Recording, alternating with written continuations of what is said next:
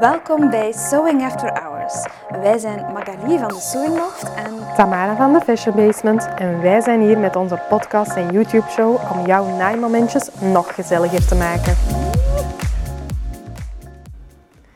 Welkom bij een nieuwe aflevering van Sewing After Hours. Vandaag gaan we het hebben over kleefvoeling.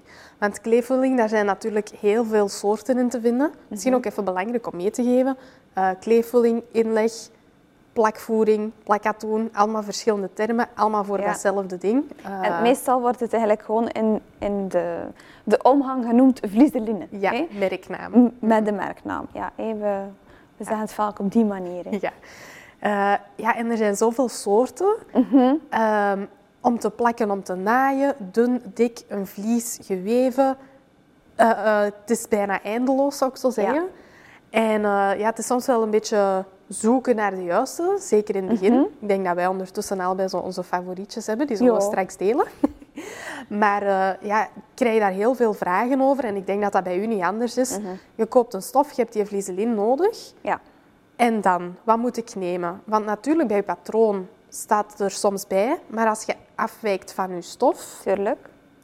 ik denk dat dat ook bijvoorbeeld bij u in de winkel wel eentje is waar dat je heel ehm, goed mee gaat moet, allee, kijken, omdat de mensen daar heel veel eh, begeleiding in nodig hebben. Ja, want eigenlijk kijk je naar de dikte van de stof dat je op dat ogenblik hebt gekocht. Je kijkt ook naar een beetje ja, het gewicht ook ervan. De dikte gewicht is dan weer dat wat anders. En dan ook ehm, hoe vloeiend of hoe stijf zullen de stukken moeten zijn dat je gaat verstevigen. hè. Eh, misschien wil hij een hemd maken voor een man en is dat iets Ja. lossere kraag, wat, wat meer ontspannen. Of moet dat echt iets zijn dat heel stijf staat en hard is. Ja, die vliezeline bepaalt eigenlijk heel erg veel. En dat is ook weer iets dat eigenlijk onderschat wordt. Ja, en ik vind ook altijd, eh, soms zie ik dat wel eens gebeuren, dat cursisten zeggen, ja, ik heb hier een vrij fijn stofje en ik ga daar dan dit hemd of eh blouseje mee maken. En in die kraag, ga dan een hele stijve vliezelin in zetten en dat kan twee richtingen uitgaan. Ofwel werkt dat heel goed, is dat heel mooi, past dat helemaal in die stijl, in dat plaatje. Ofwel wordt dat echt zo, ja, compleet karton. Ja. Ik vind dat heel vreselijk, zo stijve vliezelin in een soepel stofje. Want dat maakt dat zo hard. Dat wordt echt karton bijna. En ja, dat neemt zo heel veel kracht van je stof weg. Ik heb altijd het gevoel, blijf zo dicht mogelijk bij de natuurlijke kwaliteiten van je stof. Ja. Je moet niet tegen je stof werken, je moet met je stof meewerken. Ja. Maar natuurlijk zijn er wel oplossingen om ook nog altijd die mooi vallende kraag te krijgen, zonder dat je daar zo'n super stijve vliezelin gaat inzetten. Ik kom bijvoorbeeld heel vaak bij de cursisten tegen zo de vliezelin H250. en dan Ja. krijg ik altijd al zo'n beetje oeh. Ja, ja, ja, ja. Want de H250 is eigenlijk ja, een echte plakkatoen, wat meer eigenlijk. Ja, ja, nee. Ja, het is nog wel een vlies, Het maar het, heeft de kwaliteit van Ja. een katoen. Hè? Nee, Ja. Je hebt eigenlijk het gevoel van, ik geef er nog een extra laagje katoen aan. Mm. En dat is een beetje de, de standaard dat wat geleerd wordt Ja. als een van de eerste te gebruiken. Ik denk dat ze dat vaak gebruiken omdat die, net dat die zo wat harder is, dat die wat makkelijker... Ik weet het niet. Ik denk ook wel dat er voor een stuk bijvoorbeeld mee te maken heeft dat er eh, in veel naailessen wordt er als eerste stuk een rok gemaakt. Ja. En in een lendeband begrijp ik dat je die in 250 gaat zetten. Want die lendeband die mag niet zo verkreukelen als je gaan zitten bent en je staat recht, dat die zo bij elkaar geplooid is. Dus ja, een lendeband moet inderdaad ook heel goed verstevigd zijn. Langs de andere kant, voor meer dan een lendeband, zie ik daar niet zoveel toepassingen voor. Nee, maar wat moet dan doeleinden, maar oké. Ze hebben dan een meter gekocht van Ja, ja. H250. En vervolgens na dat rokje, dan komt er Ja. soms wel een blouseje. Ja. hé, omdat je dan vaak die knoopsgaten of zo En dan zo'n belegje daarin. En dan, ja, En dan steken we dan in ons kripje ook een H250. ja. En wat ik ook wel eens merk, is soms in ehm, kleinere stoffenwinkels dat er niet zoveel keuze is aan vliezelin. Ik vind dat altijd heel jammer, want de allee, meestal, meestal, ik ga het zo zeggen, zie ik dan bijvoorbeeld dat daar een H200 zo de standaard is die voor alles bijna gebruikt wordt. Maar nog altijd die een 200 bij mij, ik zeg het, zo'n lendeband mag, mag goed stevig zijn, maar voor de rest wilde met je stof meewerken. En een H200, zelfs dat vind ik nog te stijf voor in de meeste stoffen te gaan gebruiken. Maar pas op, H200, dat kan je toch heel goed gaan toepassen. Bijvoorbeeld in een, een mantel of in een tas. Ja, tassen, daar ga ik me niet over uitspreken. Want ik maak wel tassen, maar in leder en niet in stof. Mhm. Ja, ja, ja. Dus daar, ga ik, daar ga ik geen uitspraken over doen. Maar voor mij een mantel, ja, een 200 oké. maar dan grijp ik bijvoorbeeld veel liever naar een 410. Ja. Want dat valt schoner. Dat valt zoals een H180, maar is wel stevig zoals een 200. Ja. Dus dat zal mijn favoriete optie dan zijn. Maar natuurlijk, ja, dat zie je ook wel aan dat prijskaartje. Want die is natuurlijk wel een pak duurder. Maar ja, dat is wel heel mooie kwaliteit. Dus Ja. bij mij persoonlijk, die 200 bijvoorbeeld, die ga ik niet zo gemakkelijk gebruiken. Ja. Nu, in een mantel ga ik dan, om, om jou Ja, dan tegen te spreken, ga ik dan misschien sneller de G700 gaan gaan doen. Ja, ja, ook helemaal akkoord. Dus ja, in principe, ik denk misschien ook wel eh, handig om mee te geven bij eh, de vleeselin. Zo, de H zijn echt de vliezen en dan de G zijn meer de geweven varianten. Ehm, en in die geweven, die 700 en de 785, ja, dat vind ik fantastisch mooie vlieselin. Ja. Maar bijvoorbeeld, ik ga ook altijd onderscheid maken tussen mijn voor- en mijn rugband. Of mijn Ja. mouwkop, mijn zoomsplitje. Dus voor een voorpand ja, zou ik eerder gaan neigen naar een 410. Want natuurlijk, vlieselin, wat is een van de belangrijkste eigenschappen dat dat moet doen? Je kledingstuk in vorm houden. Zorg dat dat niet kan uitzakken. Ja. Ook wat meer, een beetje meer body geven, dat dat mooi kan vallen. En ehm Ja, je voorpand voor een mantel of een jasje, dat is het belangrijkste deel. Dus daar wil ik goed verstevigd hebben zonder dat het karton wordt. Terwijl dat ik uiteindelijk voor andere delen misschien eerder naar die 700 of de 785 ga grijpen.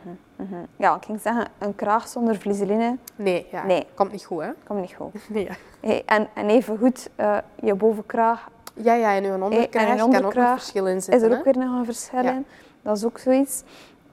Eh, nu verder van eh vlieseline, ook belangrijk om te zeggen, dat gaat niet met zo'n automatische strijkijzer die zelf zijn temperatuur Oh, pakt. jammer, hè? Hey, jammer, ja, hè? Tegenwoordig, al die eh, strijkijzers met de automatische temperatuur, ja. dat is een ramp, hè? Ja. Gelukkig is de plakpers tegenwoordig iets gemakkelijker commercieel verkrijgbaar in een handelbaar formaat. Dat is Ja, ik geloof dat zelfs? Cricket heeft zoiets heel kleins, Ja. zo handpersachtig mini, dingetje. Zo bijna een mini strijkijzertje. Ik heb het ook gezien. Ja. Ah, maar die mini-strijkijzertjes zijn er ook heel handig voor ah, ja, van ja. Prim. Want die kan je ook vrij, vrij warm zetten. Ja. ja, daar heb ik zelf geen ervaring mee. Ik ben natuurlijk zo verwend dat ik een plakpers heb. Maar Ah. eh, vroeger met mijn strijkijzer vond ik dat ja, dat duurt lang. Dat duurt Ja. eindeloos lang. Alleen voor zo'n voorpand van een jas of een mantel of zo. En een kraagsken of zo, dat is niet zo erg. Maar met mijn strijkijzer ging allemaal keigoed. Maar nu moet ik het ook niet meer eh, proberen. Ah, je toch niet meer zo'n huishoudstrijkijzertje, hè, natuurlijk. Nee, eentje dus altijd eentje gebruiken dat je kan gaan aanpassen qua temperatuur. Is- Want elke vlies heeft eh, ook weer een andere temperatuur nodig. Ja. Evengoed andere seconden. hé. Je gaat Ja. daar niet mee gaan strijken, je gaat Nee, daar nee, mee gaan nee. ter plaatse persen en tellen. Hé. Dat is dan ook eh, een belangrijke. En dan... Ja, vocht, hè. denken- Ah, vochtig of Ja. droog, dat is Ja. ook zoiets. Ook altijd een groot discussiepunt. Hè? Want de ene zegt je moet met een vochtige doek erop leggen. De ene zegt goed stomen. De ander zegt nee, helemaal niet stomen. Eh, maar eigenlijk verschilt dat een beetje per vlieselin. Ja. Want de richtlijnen van vlieselin zelf zijn ook voor bepaalde wel met een vochtige doek, met bepaalde niet. Mijn richtlijn is altijd zonder stoom, zonder vocht. Ja. Blijft hem niet plakken? Ja, oké. Doe dan even korte stoomstoten. Ja. In de hoop dat hem dan heet genoeg is om te blijven plakken. Maar ook laat hem afkoelen. Want als je het hem niet laat afkoelen, ja, zolang dat die lijm warm is, gaat dat er altijd afkomen. Dus laat dus stukken stof afkoelen vooraleer dat je dat gaat gaan oppakken en mee beginnen werken. Want die, die settijd is echt wel nodig dat die goed gehecht is Ik natuurlijk. leg eigenlijk altijd al mijn delen dat ik verstevigd heb. Ofwel leg ik het op de vloer, ofwel leg ik het op de vensterbank, op iets koud, een steen. Mhm. Dat het snelst van al eigenlijk gaat, eh, gaat afkoelen. Ehm, maar wat wilde ik je nog vragen? Ben het vergeten. Ah ja, het is niet erg, je gaat er wel op komen. Ehm, Ja, ik denk ook wat dat misschien ook nog wel leuk is om mee te geven. We kennen over het algemeen nu vlieselin als een plakbare versteviging. Je Ja. strijkt dat in en het plakt erin en het is klaar. Maar er zijn ook naaibare varianten die dat Ja. je moet innaaien, pikeren met de hand. ja. Dat is kei mooi natuurlijk. Of meesteken met je, met je zijnaden. Ik denk bijvoorbeeld Ja. aan eh, aan de stijl viel bijvoorbeeld, dat Ja, gebruiken we voor tassen, dan wordt dat eigenlijk gewoon wat meegestikt met de zijnaad. Thermolan is ook zoiets, eh, dat kan dan doorgestikt worden. Eh, zowel voor, eh, voor pannenlapjes te maken als in de jas kan je dat ook gaan gebruiken als een tussenvoering. Absoluut, zeker. Ja. En ik denk dat dat nu de minder gebruikte varianten zijn. Ja. Maar dat dat ook wel nog altijd ja, dingen zijn. Ik denk dat heel veel nicers daar meer over willen weten en dat willen leren hoe dat, dat moet. Ja. Lang niet iedereen, want ja, je moet er wel een beetje geduld voor hebben voor sommige van die varianten. Maar het is wel ehm, een mooie aanvulling. Ik denk ook de twee samen gebruiken. Bijvoorbeeld in een, eh, in een echte tailleursvest of een jas of een mantel. Kan het heel mooi zijn om in je voorpand juist een stuk naaibare versteviging erbij te hebben. Want die, zijn altijd, die geven toch nog veel meer body Ja. aan je stof tegenover alleen een plakbare. Maar natuurlijk, ja, voor gewoon een blouseje of zo ga je dat niet gebruiken. En dan ga je het echt al meer over vestjes, jassen en die zaken. Maar ik weet echt, die innaaibare, dat, dat heeft wat meer body, dat is ook zo. Maar aan de andere kant, ehm, ik weet niet hoe ik dat goed kan uitleggen, maar het doodt minder je stof.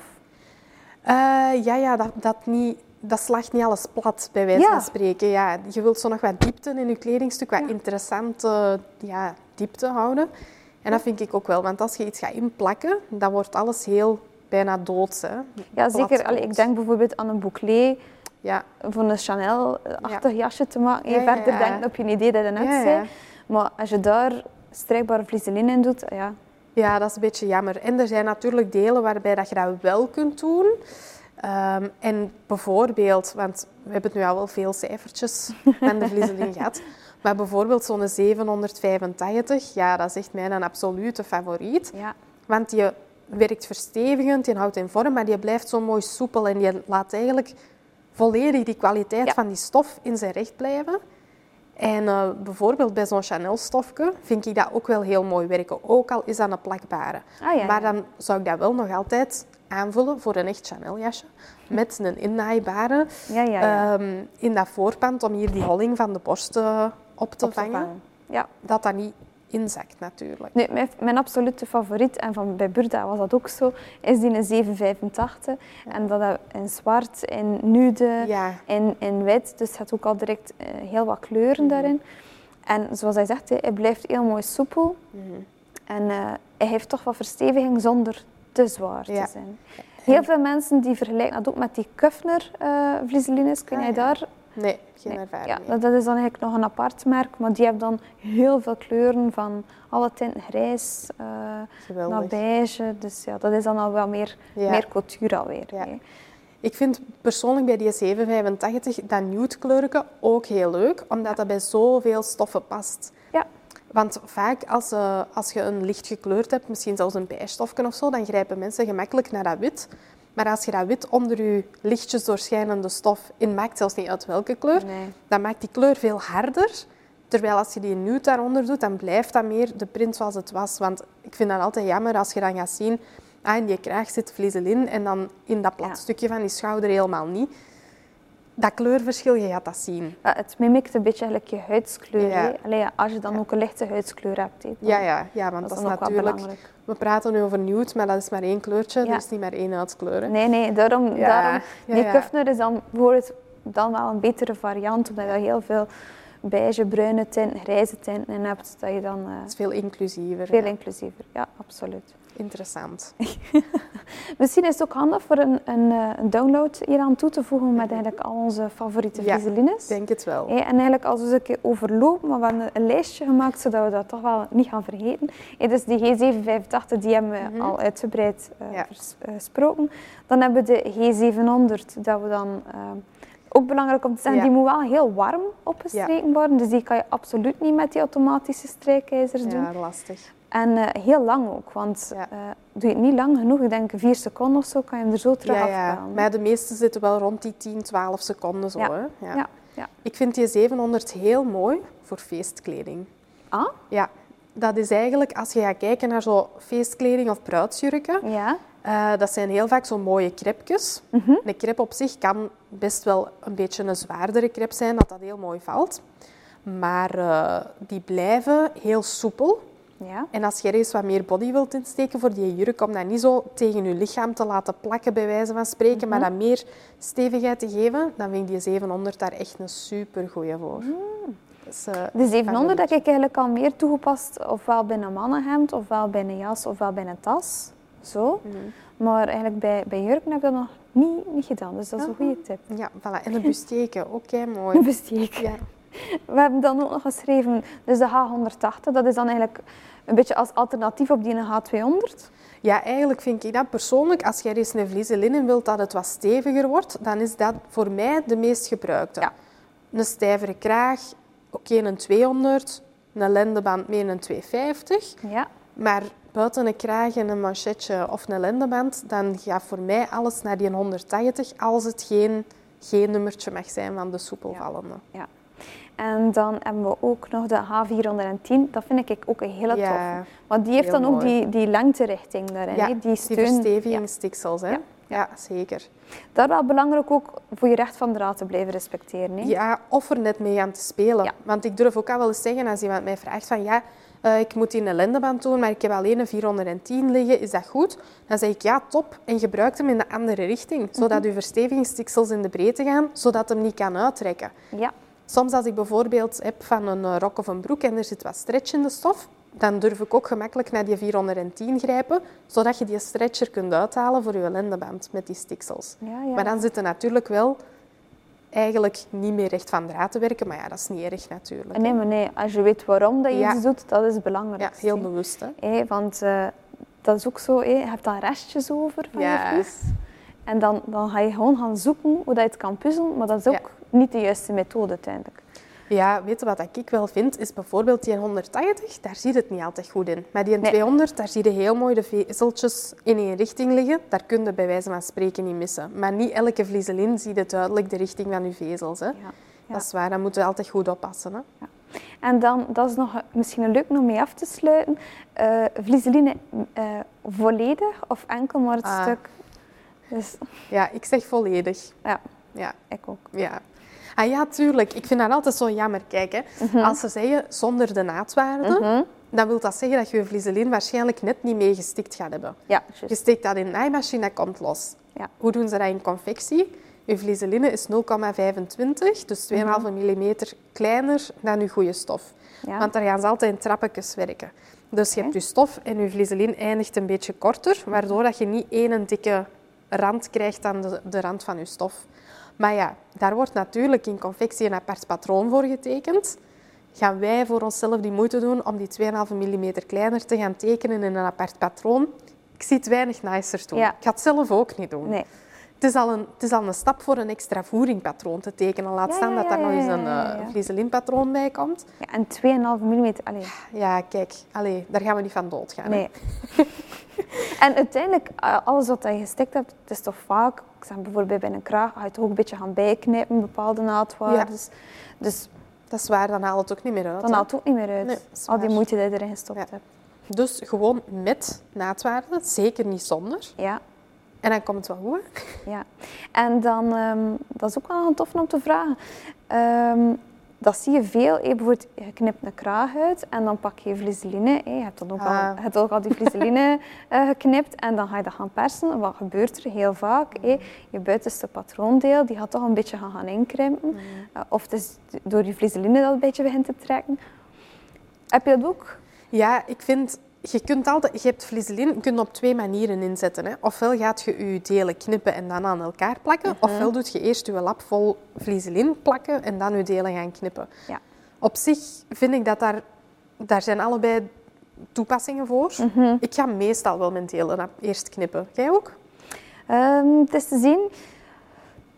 Wat ik vaak doe, is eigenlijk mijn delen knippen en dan mijn vliezeline klaar, klaarleggen. Dus ik maak eerst dat er patroonpapier ligt, mijn delen liggen er en dan mijn vliezeline erover. En dan juist in het midden even kort aanzetten Ah ja, en dan kan ik het schoon uitknippen en dan geef ik hem overal de Ah, ja, warmte. Dus dat is ook nog een Ja. methode dat je kan doen. Ja, wat ik altijd wel voorstander van ben, is om ook je vliezelin met je patroondeel te knippen. Ja. Omdat je dan exact je vorm hebt. Ja. Want je stof leeft en beweegt. En als je je stof geknipt hebt en je legt het dan op de vliezelin, dan kan dat een beetje gaan schuiven. Ja. De een stofje wat meer of het ander, maar je kent dat wel, zo een satijntje dat nogal goed beweegt. Je kunt dat eigenlijk in elke richting of vorm op de tafel leggen en toch blijft dat plat. Ja. Maar je herkent de vorm van die kraag of het een of het ander zelfs al niet meer.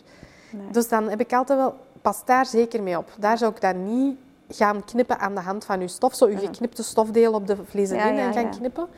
Maar ehm, ja, ik denk met zo'n stofjes, dat zijn ook de momenten dat ik zelf mijn stof ga eerst volledig plakken en dan mijn delen knippen. Ja. En als mijn stof niet zo'n probleemgeval is, dan ga ik meestal wel mijn delen knippen.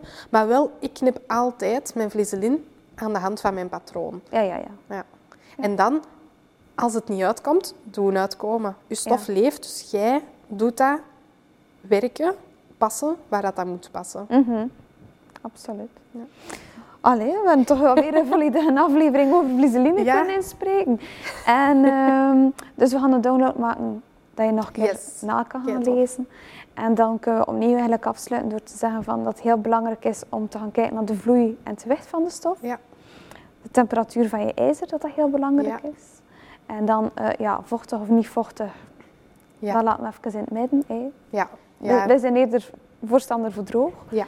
En dan, eh, ja, dat is het.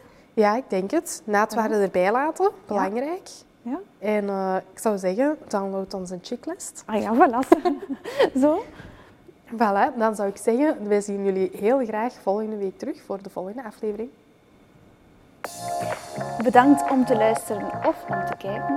Weet, wij zijn er elke woensdag opnieuw met een nieuwe aflevering, dus... Abonneer je zeker op onze podcast en ons YouTube-kanaal als je geen enkele nieuwe aflevering wil missen.